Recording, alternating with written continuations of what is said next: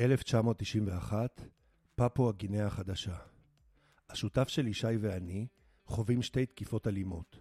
הראשונה, באזור של בתי רוחות, על נהר הספיק האדיר, שורץ התנינים, חבורת רעולי פנים חמושים במצ'טות חודרים לחדר הקטן בחצר הכנסייה בו שהיינו.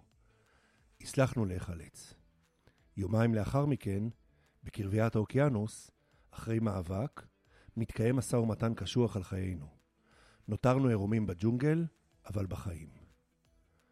ראיתי שם אנשים ברמת הקיום הראשונית ביותר שפגשתי כאנתרופולוג.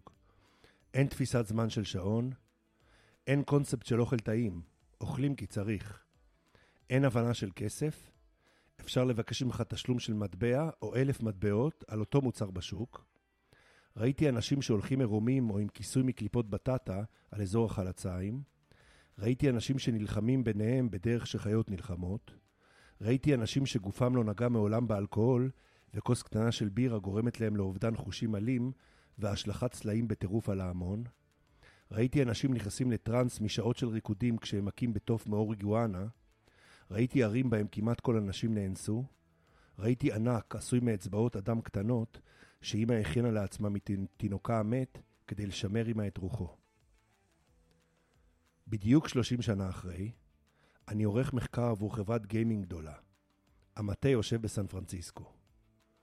תרבותית, חיצונית, גזעית, שפתית וסביבתית, נראה שמדובר במשהו שונה לחלוטין. אבל הם חולקים ידע עתיק משותף.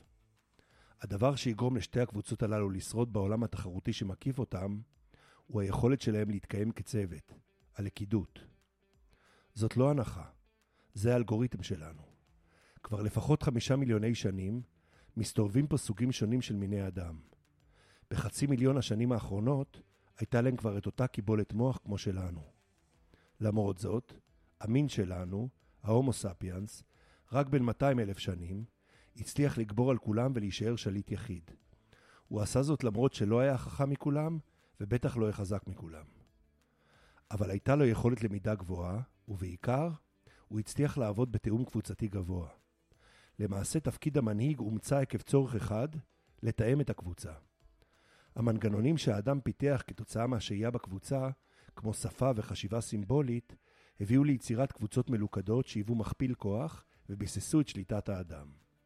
אבל, עם חלוף השנים, בעיקר עקב היכולת של האדם לכאורה ליצור קבוצה שלא באמצעות מגע פיזי, דבר שאפשרו טכנולוגיות כמו מכונית וסמארטפון, נשכחו חלק מטכניקות הלכידות שעד לפני, לפני כ-11,000 שנים, ערב המהפכה החקלאית, עוד היו אינטואיטיביות. כך נוצר מצב שבו מנהלים מאמינים למשל, שיום גיבוש יחזק את הלכידות לאורך זמן. אבל העיקרון נשאר ואף נמדד.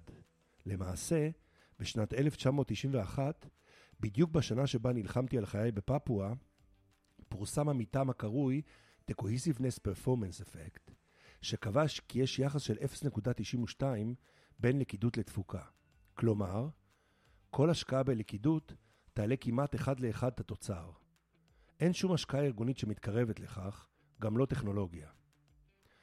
בימים אלו בישראל, בקיץ 2023, רק מחזקים את ההבנה אצל כולם כי ללא הביחד, לא ניתן יהיה לקיים כל ארגון, ממשפחה דרך צבא ועד למדינה. קיצוניות המצב העכשווי היא גם תולדה של מגפת הקורונה, שבדדה אנשים ופרקה את הקבוצות. חלק גדול מהקשישים, מהנוער ומהילדים לא התאוששו עדיין מהניתוק, וחלקם לא התאושש לעולם.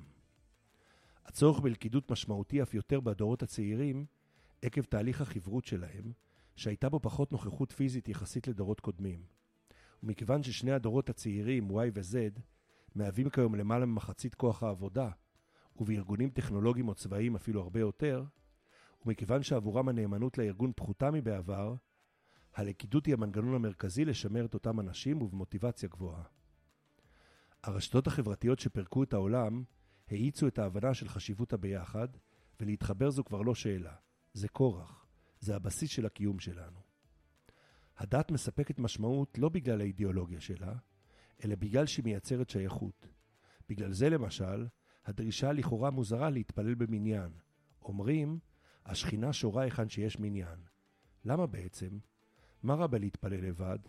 לא ישמעו אותי? ומדוע האדם הראשון בכל דת לא היה דתי? היהודי הראשון למשל לא היה אדם בגן עדן, הוא היה אברהם, כי דת יכולה להתקיים רק בחברה. בכל המחקרים שנערכו על מלחמות ושדות קרב, וגם אוסיף מניסיוני האישי, נמצא שאנשים לא נלחמים עבור מדינתם, ואפילו לא עבור משפחתם. הם נלחמים עבור החבר שנמצא לידם. אז לפעמים כדי להתקדם, צריך לחזור לבסיס. הלכנו 11 אלף שנים אחורה, וחילצנו כעשרה מרכיבים שמייצרים לכידות בכל קבוצה אנושית. אפשר למדוד כל אחד ולחזק כל אחד, אפילו בקלות. לפיכך, לכידות היא לא מותרות, היא אבן הבסיס עליו נבנה כל ארגון וחברה משגשגת. והיום כבר יודעים איך למדוד ולשפר אותה. וזה שונה מאוד ממה שאתם מכירים.